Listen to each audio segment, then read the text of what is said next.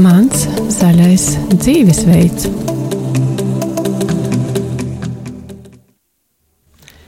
Esiet sveicināti, rādījumā arī klausītāji, mūsu raidījumā Mans zaļais dzīvesveids. Kādreiz mūsu dzīvē gadās tādas situācijas un notikumu norises, kas rada spriedzi un izraisa ilgstošu nemieru. Taču ielūti stress un dzīvošana negatīvās izjūtās, diemžēl, grauj mūsu veselību. Kā parūpēties par sevi, ko darīt un ko nedarīt, lai atgūtu iekšējo līdzsvaru un labu pašsajūtu, atbildes uz šiem jautājumiem meklēsim šodien mūsu raidījumā. Bet mūsu viesis būs psihiatrs un psihoterapeits Gins Polis. Sveicināt mūsu studijā! Labdien. Ar jums kopā būšu arī raidījuma vadītāja Daiga Lakotko. Kādas ir tavas izvēles ikdienā? Bet pirms sākam sarunu ar Gintu Poli, atgādināšu arī mūsu klausītājiem, ka mums var sūtīt savas īsiņas ar jautājumiem, priek, kādiem nu, priekšlikumiem, idejām, komentāriem pa telefonu 266, 772, 72 vai zvanīt pa telefonu 67, 969, 131 vai sūtīt e-pastus uz adresi studija at rml.lv. Tāpat atgādināšu, ka mums ir arī ziedojuma tālrunis, un tas ir 9 000 67 69. Lūk, bet tagad pāriem pie mūsu sarunas ar Gintu Poli. Un kā jau sacīju, šodien mēģināsim saprast, kā tad parūpēties par sevi, ko darīt, ko nedarīt, lai atgūtu iekšējo līdzsvaru un labi pašsajūtu, kas tad ir tas pamatpozīcija. Un gribētos jautāt uh, Gintam, um, kas tad ar mums notiek, kad ir šis iestājies šis ilgstošais stress un ir šīs negatīvās izjūtas, um, ar ko gan tas ir slikti?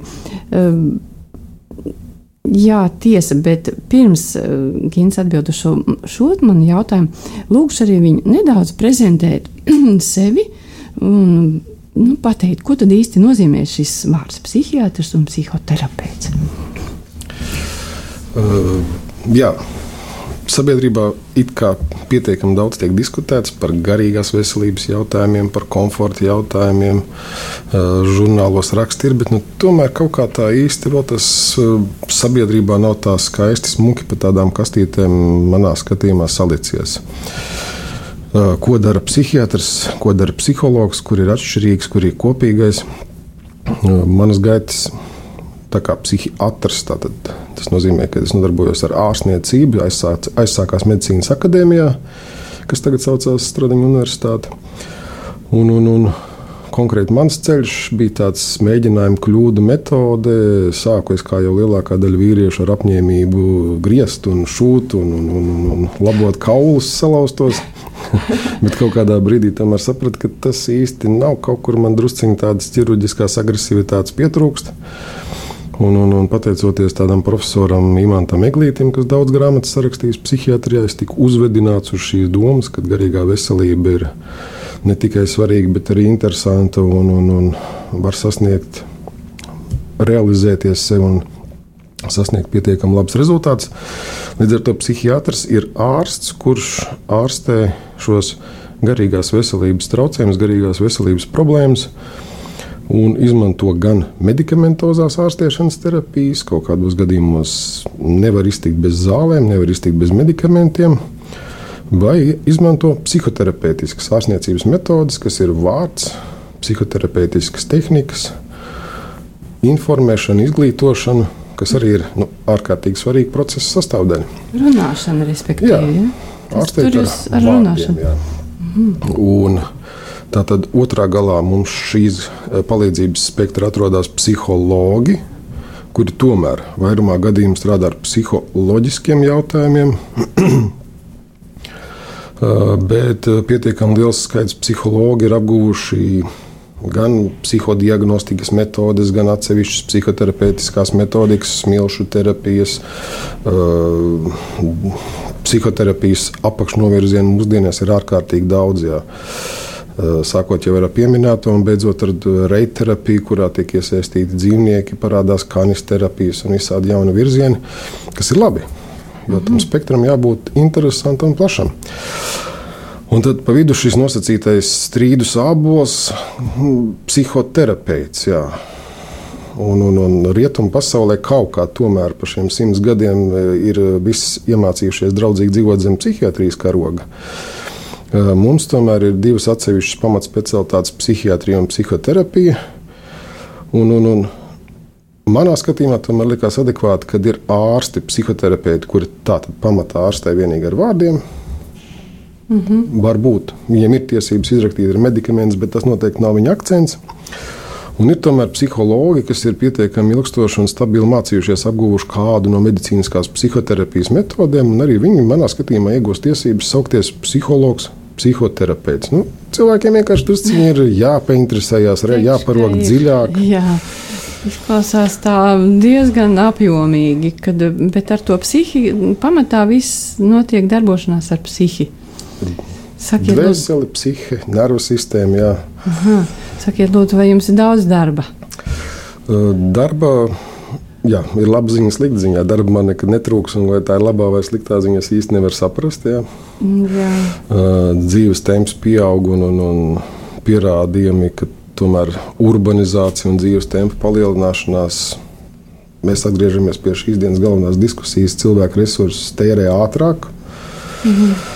Tāpēc ir ārkārtīgi svarīgi jā, tas jautājums, ko jūs man uzdevāt, vai ne, ko darīt, lai savus resursus taupītu. Vai atgūt normālu stāvokli, ja tu esi kaut kur, teiksim, atkal lieklemējies un, un, un neprotīgi galā un, un tā.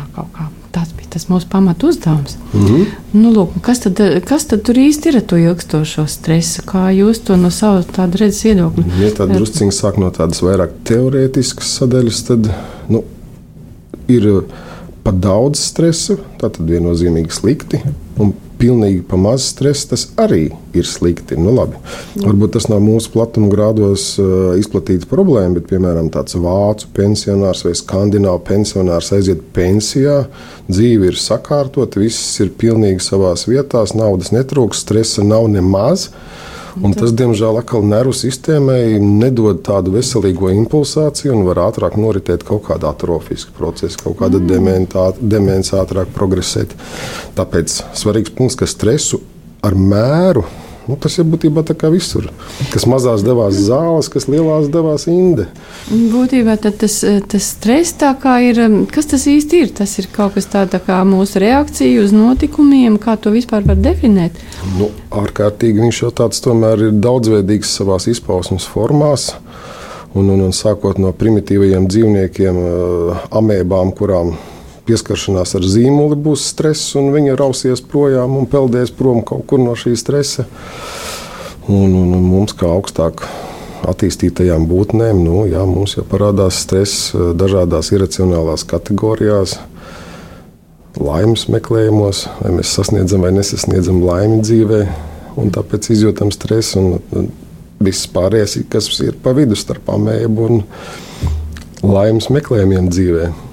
Es saprotu, ka stress ir kaut kas, kas liek mums reaģēt. Jā, neapšaubām. Ka tā ir īstenībā dzīve. Dzīve tu nevari saplānot, un tur ir gan labas emocijas, un, un, bet ir arī, diemžēl, negatīvas. Nu, lūk, tad, nu, kas tad, tad ir tas, um, nu, kā jau teicu, šis jautājums, kas tad ar mums notiek, kad, kad nu, ir kaut kas tāds, kas man liek justies nemierā ar, ar, ar sevi, varbūt ar dzīvi, ar kaut ko, un, un, un, un izraisa šīs negatīvās izjūtas. Nu, kas, tad, kas ar mani tad notiek? Mm. Vai ar, ar visiem citiem tādiem jā. pašiem? Tātad, ja mēs tā druskuļi novēršamies uz to otru punktu, jā, viena lieta, kas mūs satrauc, un otra lieta, kā mēs rēģējam, nu, droši vien arī šeit jāsāk druskuļi no tās pašas fizioloģijas. Nu, daudz apdziedātais un pieminētais adrenalīns. Daudz cilvēku runā par adrenalīnu. Tur man tur adrenalīns šausmīgi bija sakāpināts tajā brīdī, kad es biju tajā stresa situācijā. Akal, adrenalīns ir unikāls mehānisms, kas mums ir iedots, lai mēs spētu mobilizēties, savākties, sagatavoties. Pēkšņi atskan automašīnas tauras signāls, tu, tu, un adrenalīns mums liek saspringt, meklēt, no kurienes nāk šis signāls. Vai mašīna brauc man virsū, vai man jālec, vai man jāguļās.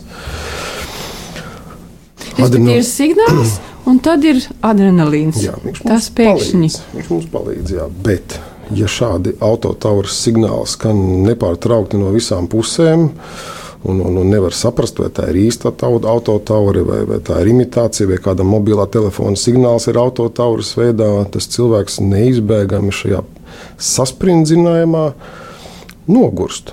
Vienkārši izsakoties, nogurst. Adrenalīns viņu pārāk ilgi tur tonusā. Līdz ar to ir ātrāk asinsrite, ir paaugstināts asinsspiediens, cilvēks ātrāk elpo, viss organisms ir tāds sasprindzis, uzvilkts, viņš gatavojās kaut kam. Un neapšaubām, nu, atkal teiksim, tādas banālās patiesības. Kāpēc ir ieviests normēts darba laiks, kāpēc cilvēkus spiež motivē iet atvaļinājumos, nevis viņus nezinu, norakstīt. Nu, ir pierādījies, ka mums ir savi resursi jālieto vienmērīgi, pakāpeniski, tad mums ir visas iespējas nodzīvot līdz kvalitatīvām vecumdienām. Bet ja šis stress, adrenalīns mūs tur pārāk ilgi, un mēs nepietiekoši atpūšamies un nespējam šķirot savus stresus, kurā brīdī tad ir tā īstā autotaura, kad mums jāsaspringst, un kurā brīdī tā ir viltus autotaura, nu, tad ir grūti. Jā. Es saprotu, tā, ka eh, tas, eh, tas vaininieks ir tas adrenalīns un, un tā deva. Ja vienreiz skan tā automašīnas taure, un es esmu mobilizēta un gatava kaut ko darīt lietas labā, tad tas ir tā kā normāli.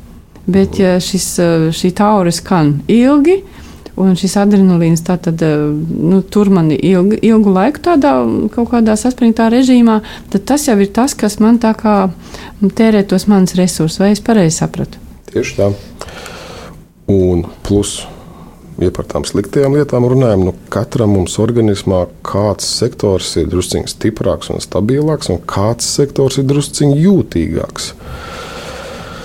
Ja tam cilvēkam tas adrenalīns liek saspringt pie datora un sēdēt sakumpušam, galvu plecos ierāvušam, vai ne, nu viņam agri vai vēlu, tā ilgstošā stresa ietekmē sāks sāpēt spranda. Ja viņam ir jūtīgāks kuģa zarnu trakts un tās kābi, kas arī vairāk izdalās tad, kad ir adrenalīns, nu, viņš ātrāk iedzīvosies gastrītā vai kuģa čūlā. Ja viņam jūtīgā vieta ir asinsspiediens, nu, parādās lielāks risks, ka viņam būs hipertonija un kaut kādā dzīves brīdī būs jāsāk zāles dzert, kas regulē asinsspiedienu. Tā kā ir tāda nu, ne, nespecifiskā stresa reakcija, un tad ir kaut kur, diemžēl, katram no mums ir kaut kādas jūtīgākas vietiņas, kur tas ilgstošais stress var trāpīt jau un atstāt paliekošas sekas. Mhm. Diemžēl. Sakiet, bet kā tas tā uh, iet kopā ar tām negatīvām izjūtām? Es sapratu, ka stress tas ir kaut kas cits nekā negatīvs, piemēram, izjūtas, kas, kurās arī nav vēlams ilgstoši dzīvot. Nu, jā, atkal teiksim, tāds nu, drusciņš viltīgais dabas mehānisms, ko atšifrēja Hans Selje jau daudzus gadus atpakaļ, ka stress dalās divās kategorijās. Ir tā sauktais pozitīvais stress, jeb eistress, varbūt kaut kur eiforija, eistress, un ir negatīvais stress, jeb distress. Tad distress skaidrs ir tā autotaure. Blīkšķis, suņa riešana, tas būs viennozīmīgs distress vai ne? Kaut kas negatīvs. Nu, tas ir respektīvi, ka tur ir nāk kaut kāds nāk man uztraukums, kaut kādas bailes. Tas kas viennozīmīgi saistās ar kaut ko negatīvu, mm -hmm. sliktu. Mm -hmm. Un e-stress būs tad, kad mēs esam šausmīgi laimīgi, sapriecājušies, nezinu, koncertā, kur mums beidzot ir iespēja pilnībā ļauties mūzikai vai, vai sirdī Un neironam mūsu smadzenēs būtībā ir vienalga, kāpēc viņš strādā intensīvā režīmā. Mm -hmm. Vai mēs mhm. esam šausmīgā priekā, vai mēs esam dziļās bēdās. Līdz ar to, nu, un it kā jau kamēr cilvēks to spēj tā veselīgi sašķirot pa kastītēm, o, oh, šobrīd man ir foršais stress, un viss ir kārtībā, un es viņam ļaujos. Šobrīd man ir negatīvais stress, un es domāju, ko ar to darīt, kā viņu tomēr druskuļi sakārtot un menedžēt.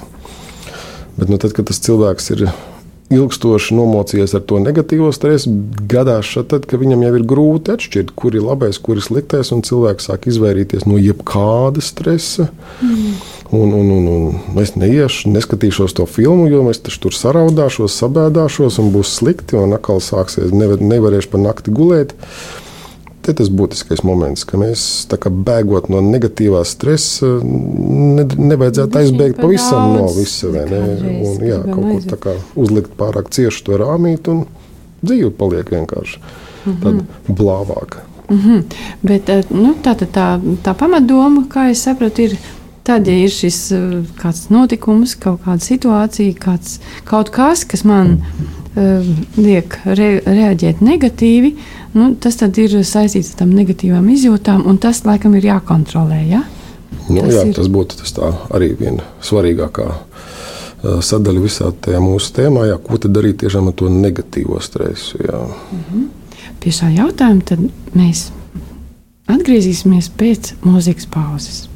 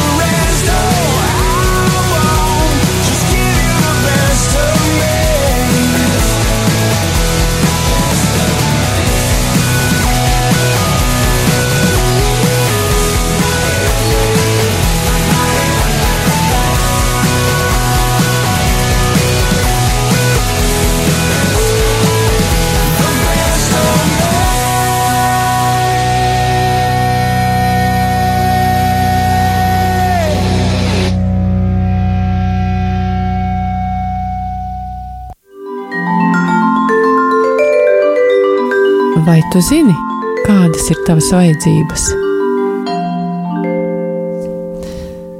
Šajā brīdī atkal atgriežamies pie mūsu sarunas un atgādināšu, ka šodien runājam par stresu, par to, kā tikt ar to galā. Um, lai tas negrautu mūsu veselību. Un mūsu viesis, uh, psihiatrs un psihoterapeits Gins Polis mēģina mums tikt, uh, palīdzēt tikt skaidrībā ar šo jautājumu. Nu, lūk, un, bet pirms tam um, pievēršamies atkal mūsu sarunai, vēl atgādināšu mūsu klausītājiem, ka mums joprojām var sūtīt īsiņas pa telefonu 266, 77, 272, zvanīt pa telefonu 67, 96, 9131 vai sūtīt e-pastos uz adresi studija at rml.lv. Lūk, tātad mēs palikām pie mūsu jautājuma.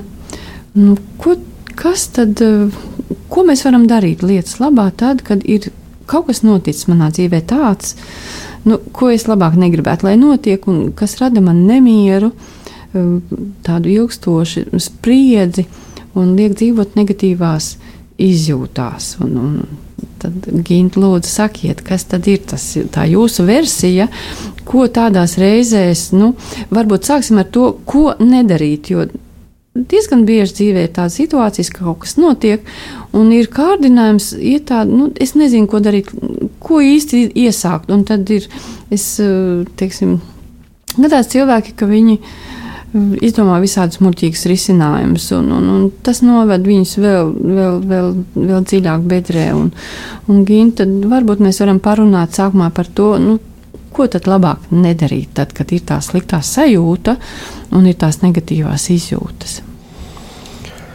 Nu, jā. Tā tad nu, kaut kur jau tas cilvēks smeļās kaut kādu pieredzi, kaut kādas iemaņas, kaut kādas zināšanas. Un, un, un, nu, pamatā jau tas droši vien ir ģimenē, kādus mehānismus tas cilvēks vēro, neverbālā ceļā apgūst racionālā ceļa apgūst. Vecāki bieži vien aizmirst, ja viena lieta ir tā teikt. Klausies manos vārdos, bet arī skaties manos darbos, vai, vai tur bija otrādi. Otrādāk, neskaties uz maniem darbiem, klausies manos vārdos. ka neverbālā cilvēka, ceļā cilvēki, diemžēl, apgūst, ja mēs sākam ar šīm sliktajām lietām, šos neveselīgos uh, stresa menedžmenta mehānismus. Un, un, protams, kad pirmajā vietā viennozīmīgi tomēr ir alkohols. Un, un, un gan oficiālās statistikas par to, cik tos litrus absolūtā alkohola uz vienu cilvēku teikt, dvēseli gadu laikā patērē mūsu sabiedrība, gan visādi tādi slēptie rādītāji. Katru dienu ziņo noķerti 10, 15 šoferi alkohola reibumā. Nu, diemžēl tā tad ir Un pārsvarā, protams, tā sauktais stiprais dzimums, diemžēl, vai ne šādā veidā mācās risināt stresu. Bet, nu, man gribētu teikt, ka tomēr ir tā skaidri jāsaprot, kuri risināšanas veidi ir adaptīvi, kas mums palīdz un kas dod viennozīmīgi vairāk iegūmus nekā zaudējumus, un kur ir dezadaptīvi, kas grauj kaut ko vai ar laiku rada jaunu problēmu, papildus problēmu. Nu, Un, un, diemžēl skaidrs, ka alkohols ar laiku rada pierašanu, rada atkarību un, un, un, un, un, un ko līdz ir kaut kādas, tas, ko tautā sauc par paģerām un tā tālāk. Ir skaidrs, ka ir eh, stresa menedžmentam nākus klāt jauna problēma, un viņi būs risināma vēl grūtāk, vēl smagāk. Ja būtībā Tāpēc... tas grauj personību, un, un ja, tas ir ilgāks laiks, un, bet arī to problēmu īstenībā neatrisina. Jo tad, kad tu atkal esi skaidrāk, kā es saprotu, tad tev atkal sastopies ar to pašu, vai ne? Tā ir tikai aizbēgšana, nosacīta aizbēgšana. Un, un, un, līdz ar to tie, tie plusiņi, kas nu, atkal teiksim, uh, nu, nekas nav viennozīmīgs. Ne? Franči pierādījuši, ka sarkanvīna kultūrā ir savi plusi.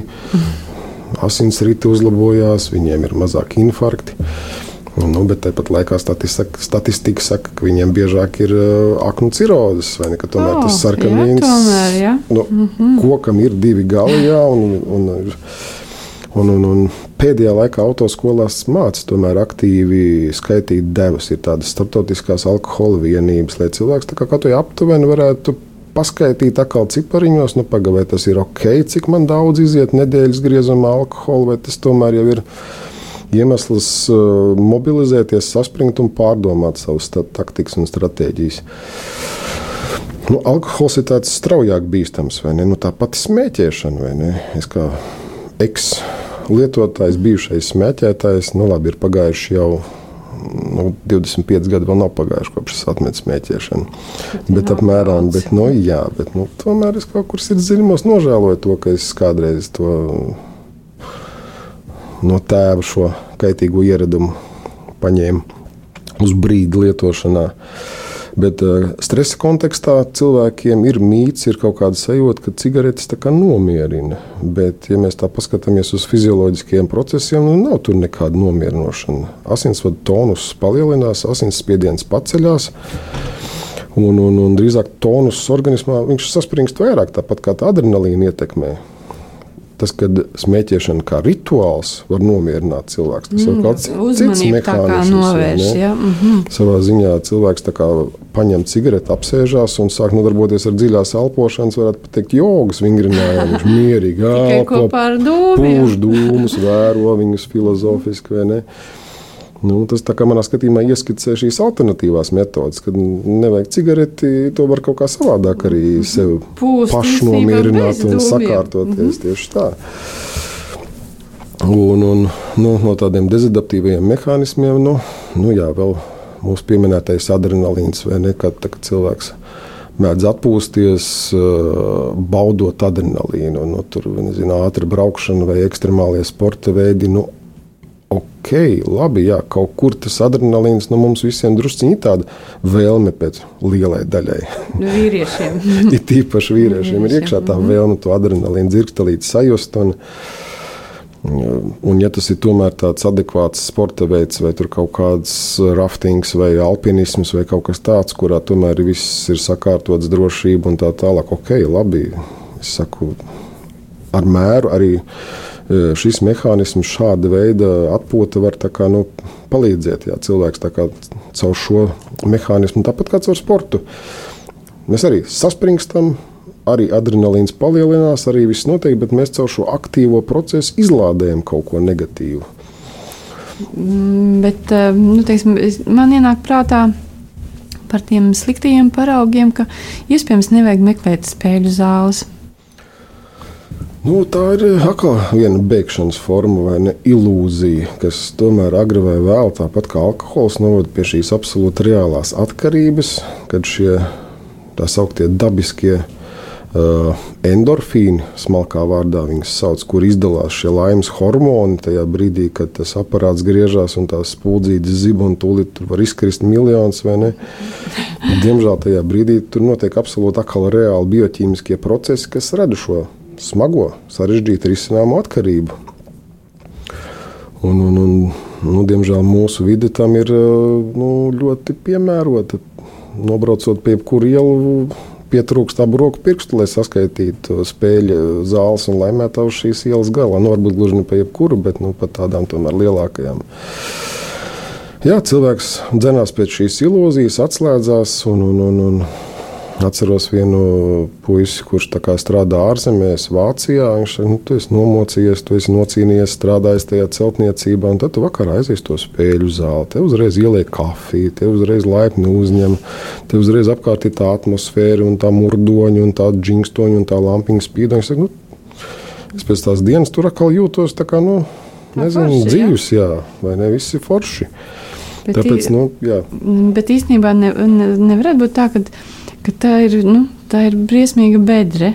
Ja, it kā šis plāns, par kuru jūs teicāt, es jūtos forši, ja, kad man tur kafija ielēja un tam līdzīgi, un, un spuldzītes tur tādas vis kaut kas. Protams, tā ir bedra, jā. Bet, bet īstenībā tas tā ir briesmīgi. Jūs varbūt varat bišķi paraksturot, ka, ar, ar ko viņi ir tik briesmīgi.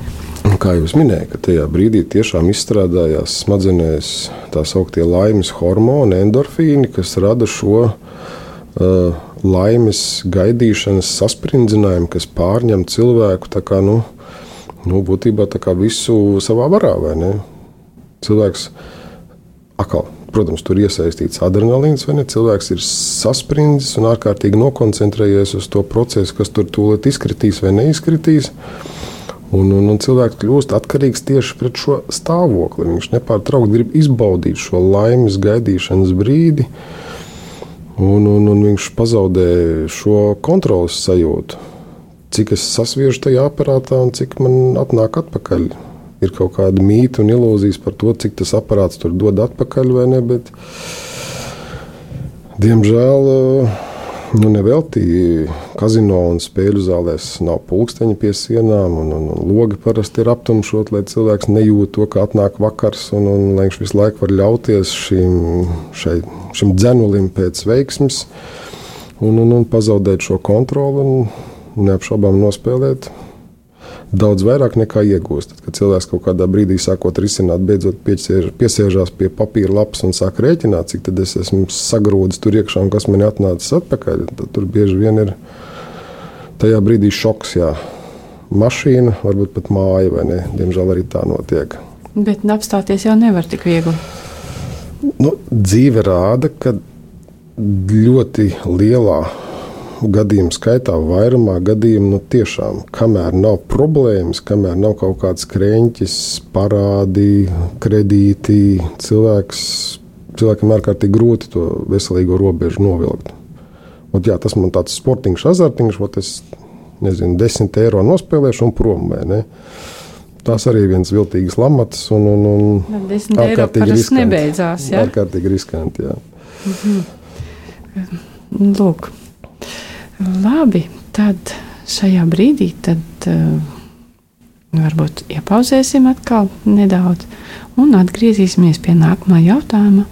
Bet kas ir tās labās lietas, lai, ko mēs varam darīt lietas labā, lai atgūtu iekšējo līdzsvaru un labu pašsajūtu tad, ja ir gadījies kaut kas tāds, kas, nu, ko, ar ko grūti tikt galā?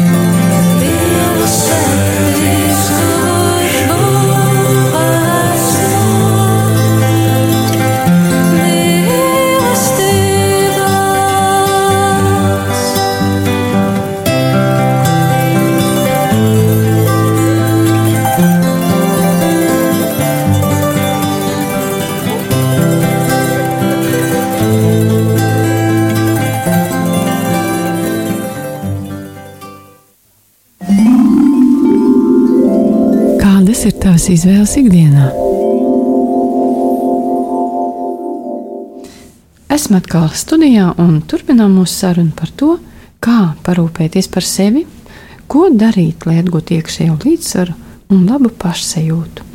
Kint, tad kāds ir tas jūsu eh, nu, viedoklis, doma, ko mēs varam darīt? Nu, ja mēs pieskārāmies arī tādiem pirmsākumiem, beig beigās jau arī folklorā var atrast daudzas psihoterapeitiskas gudrības.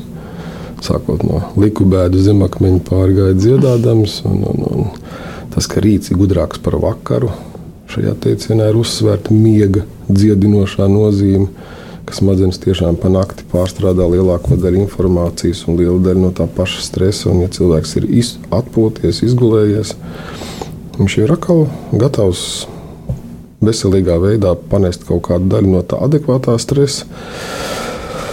Um, nu, ja mēs tā, tā kompakti mēģinātu to visu sasumēt, Nu, ir ārkārtīgi svarīgi saprast tādus trīs atbalsta punktus, uz kuriem turās mūsu dvēseliskās stabilitātes plakni. Pirmais atbalsta punkts noteikti varētu būt ģimene, personiskās attiecības. Ar tuviniekiem? Kad ir ja? sava ģimene, mm -hmm. ar savu otru pusīti personiskās attiecības. Nu, ja šajā atbalsta punktā mēs gan dodam pozitīvo spēku, enerģiju, vienalga, kā mēs to saucam, gan saņemam grūtos brīžos atpakaļ. Nu, tad tur notiek šāda veselīga, apusēji stiprinoša sajūtu cirkulācija, un tas punkts ir stiprs. Otrs punkts, protams, ir mūsu profesionālā realizācija. Ja mēs jūtam gandarījumu par to, ko mēs darām, kā mēs darām, mēs saņemam ne tikai naudā, bet arī cita veida atgriezeniskajā saiknē. Jā, super, arī šis punkts ir stiprs. Nu, labi, tie ir tādi varbūt jautājumi, kas tieši nu, pietiekami lielā mērā skar arī to stresa tēmu, jo tur gan attiecībās, gan profesionālajā vidē stresa tāpat netrūkst. Ne? Bet no te es gribēju uzsvērt to trešo punktu, tad, kas tad ir tas, ko mēs darām tikai priekš sevis. Tajos brīžos, kad mēs atpūšamies no attiecībām, kad mēs atpūšamies no darba, kāda ir tāda mana unikālā, tāda sava veida formula ko, cik bieži, kādā devā, kādas procesus, kādas pozitīvo emociju avotus man dzīvē vajag, lai es tomēr savu, pirmkārt, savu negatīvo stresu spētu pēc iespējas veiksmīgāk pārstrādāt un savas, nu, tā tēlēni izsakoties, dvēseliskās baterijas uzlādēt ar kaut ko labu. Un, un, nu, diemžēl tā, tāda veselīga paudžu pēctecība objektīvu, subjektīvu faktoru dēļ, kā te mums ir gājis. Uh, pēdējie divi pasaules kari, iekārta maiņas, vai ne vērtību maiņas un tā tālāk. Līdz ar to tādu veselīgu formulu, kā parūpēties par sevi. Nu, Praksē man, diemžēl, nu, tā nu, ļoti reti nākās Sastāv, saskarties ja? ar to, ka vecāki tā spētu bērniem nodot šo mācību, kā parūpēties par sevi, cīnīties, izturēt, savākties, tas viss tiek mācīts, mm -hmm. vai ne? Bet kā tāda kaut kur tas egoisms maisās pa vidu. Nu, kā es par sevi domāšu, un, un, un kā tikai es sev drīkst, kaut ja? ko jā, jā, bet nu, arī egoismam ir tāda veselīga porcija, vai ne? Mums ir drusciņi veselīgā veidā jābūt tādiem. Nu, jā. Veselīgi egoistiskiem un jāparūpējas par sevi, jāparūpējas par saviem resursiem. Ja tad mēs esam visos tajos procesos, attiecībā, darbā, adekvātā stāvoklī, spējīgi visās šajās attiecībās veiksmīgi funkcionēt. Un, un, un, nu, tāpēc tas ir grūtais uzdevums. Nu, kāda tā, tā mana formula ir? Ko es daru? Ok, mēs paskatāmies, nezinu, tā kā datorvalodā saka, copy paste vai ne. Visi iet uz sporta zāli vai tur uz kaut kādu. Nu, nu, kaut kur vai ne. Nu, viena lieta ir uzvedinošs tāds signāls, jā, tur varētu būt forši, tur es varētu justies labi, tur būtu man interesanti un, un, un patīkami. Bet nu, tas ir jāpaņem šis uh, variants, jāizvērtē, ja? jāizjūt, jāpamēģina. Un tad, kad tiešām cilvēks ir tā līdz galam izvērtējis, nu, nu, viens cilvēks aizies uz to sporta zāli. Nu, viņš nav tik labā formā, viņam tas stress un, un, un pašvērtība būs tā cena pārāk liela, vai ne? Viņš nespēs tur iejusties labi. Mm -hmm.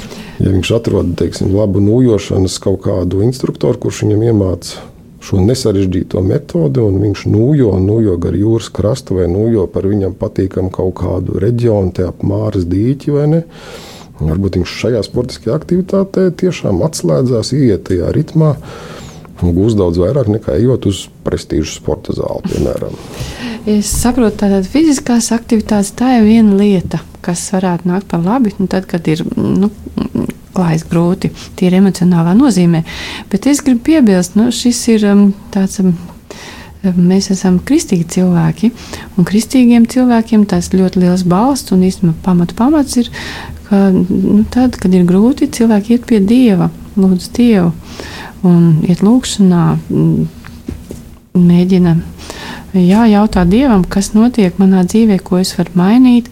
Bet tie cilvēki, kuri varbūt nav Dievu atraduši, viņiem ir, ir grūtāk. Vai neko, kā jūsu pieredze, ko saka, vai teiksim, cik liela ir šī proporcija, vai kristīgi cilvēki arī ir tikpat viņiem grūti klājas tādās reizēs, kā tiem, kam, kam varbūt nav tāds, tāds, tāda veida balsta. Nu, jā, atkal, teiksim, kas tad mums ir ielikts šūpulī, ko mēs neverbālā ceļā esam no iepriekšējās paudzes arī mācījušies, vai ne, kā, kā tomēr attiekties pret Dievu. Un, un, un, nu, ja es tā drusciņi tā pakāpjos solīt sānis un kā tāds uh, akal psihiatrs vērtēju, nu tad tomēr reliģija ir tā, savu veidu sistēma ar ārkārtīgi senām saknēm, ar ārkārtīgi milzīgu pieredzi. Un, ja cilvēks šo reliģisko ritmu, kas tur vienmēr ir iekšā, ne, mēs visi tiecamies pēc kaut kāda ritma dzīvē. Vai mēs to gribam vai negribam, mēs dzīvojam pēc ritma. Ja cilvēks ar prieku un gandarījumu un ar prevalējošām šīm pozitīvajām sajūtām iekļaujās šajā ritmā, reliģiskajā ritmā, es saku, nu, skaisti, ļoti labi. Mm -hmm. Um, Jā, līdz ar to tas, tas vēl viens tas jautājums, ja nu, tās fiziskās aktivitātes, es pieminēju, tas ir tas vienkāršākais, no kura bieži vien jāsāk. Un intelektuālā darba darītājiem, kur tomēr pārsvarā sēž vai. darba dienā, sēž vai ne, viņiem tas ir pat bieži vien ārkārtīgi izšķiroši tomēr spēt atrast savu veidu, kā viņš fiziski aktivizējās. Un, un, vai tās ir tautiskās dejas, vai tas ir sports, nūjošana, aerobika. Nu, tur ir svarīgi uztaustīt to savu. Mm -hmm. Tāpēc es to pieminēju. Nu, Svētceļojums tas droši vien savu veidu tāda kombinācija. Mm -hmm. Mērot ar kājām lielu distanci, caur šo procesu attīrīties un beig beigās nonākt pie kaut kāda šī tāda skaistā un, un, un, un, un garīgā gala mērķa kaut ko cilvēki jau sen, sen, sen ir sapratuši. Tas pats grēksodas princips, nu, arī ir ārkārtīgi psihoterapeitisks. Cilvēkam tomēr vajag šo konfidenciālo iespēju, savu krēķi, savas bailes, savas bažas, savas vājības. Caur šo grēksodu kaut kā drusciņu to spriedzi Izteikt mazināt. Jā. Ja? Mm -hmm. Tur tas arī ir ārkārtīgi svarīgi. Nu, jā. Nu, tad runāšana, ja? runāšana par, savu, par to, kā es jūtos. Tas, tas mehānisms ir uh, jaudīgākais un unikālākais, kā tas impulss no mūsu dvēseles vai, vai nervu sistēmas, vienalga kā mēs to sakām, viņš nonāk mūsu runas aparātā un mēs viņu paužam. Mhm. Tāpēc es domāju, ka cilvēki senos laikos nonāca pie dzīslas, nonāca pie dramaturgijas savā attīstības procesā, nu, kaut kur tas laužās ārā. Tad vēseli prasa iespējas Jā. izlikt eh, savas, eh, nu, to, kā es jūtos. Jā. Tas ir viens veids, kas man var stabilizēt, tad, tad kad ir tur visādi. Un par tiem labajiem mehānismiem runāt, jā, ja mēs tā kā, tā kā nu, ne visi tiešām ies uz sporta zāli, un ne visi tādā veidā atrisinās savus. Varbūt tā tiešām būs kaut kāda vokālās mākslas forma, tas pats koris, kas ir gan. Nu, manā skatījumā gan kultūra, vēsturisko kaut kādu vērtību saglabāšana, gan arī tāda savu veidu grupas psiho, psihoterapija, kur cilvēki vienojās, akal iet kaut kādā vienotā muzikālā ritmā un, un uz sajūtu spēku, kāds radās tomēr apvienojoties. Kopā, ja tas atbalsts sajūta, ja, kad mm. ir mhm. pleca sajūta, kad ir vēl kādi cilvēki. Un, Um, jā, piedodiet, es jūs pārtraucu. Nē, nē, un tad beig, beigās, atgriežoties pie tās tas, ko es nosaucu par formulu, nu tad, jā, tad cilvēks tiešām saprot, jā, cik man reizes nedēļā vajag tomēr aktivizēties, cik man, kāds man tas ritms, kurā es vai nu iekļaujos šajās reliģiskajās norisēs, vai, vai, vai mākslas norisēs. Un, un, un, un cilvēkam šo formulu vajag atrast, savā veidā ietrenēt, sajust, ka viņi darbojas. Laika pa laikam varbūt atsvaidzināt drusciņi, lai neiestātos rutīna. Nu, šī spēja ir tāda, kas tomēr mums sabiedrībā būtu tas, ko es tā nosaucu par to veselīgo egoismu un padomāšanu par sevi šādā veidā, šādā veselīgā, adaptīvā veidā. Nu, mums vēl jāaug. Jākopš. Jā, mums jāmācās. Ir jāmācās jā. Gan atzīt, teiksim, tomēr varbūt pašā sākumā bija vēl vērts pieminēt nu, tas adekvātais un veselīgais stresa koridors. Tas, ko es pieminēju, kur ir tas minimālais stress, kad es kā, nezinu, iegrims esmu savā kaut kādā ikdienas rutīnā, televizorā, un, un kad man vajag sapurināt sevi, lai man tomēr kaut kā. Maz ir, jā. jā. Un, un kur ir tas augšējā stresa robeža? Un es tomēr mēģinu skaidri sajust, kurā brīdī tas stress jau man sāk sagādāt pārāk lielu reakciju. Grūti, jā. Jā. Mm -hmm vai man tas asinsspiediens sāk lēkāt, vai, vai, vai, vai man kaut kur nezinu, tas kuģis sāk sāpēt kaut kādos brīžos, tad, kad ir uh, stresa situācijas. Nu, tad saprast savu stresa koridoru.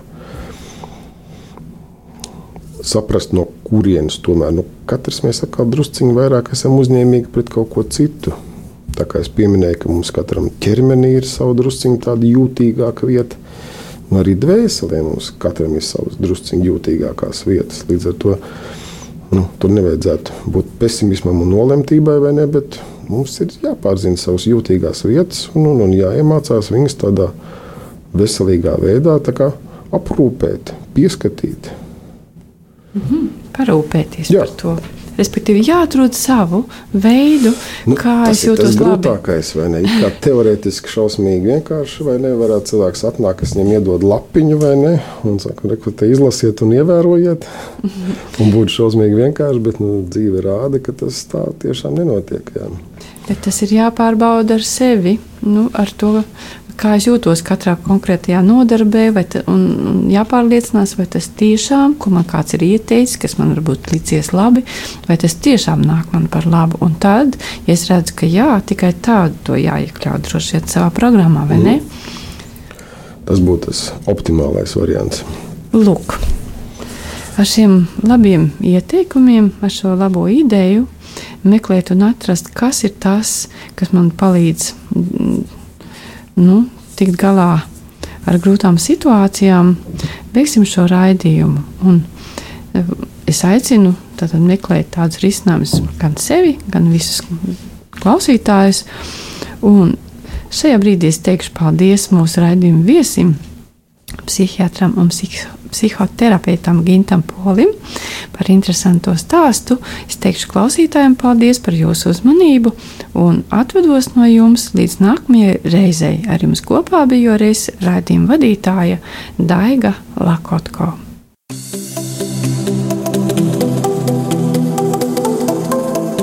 Mans zaļais dzīvesveids.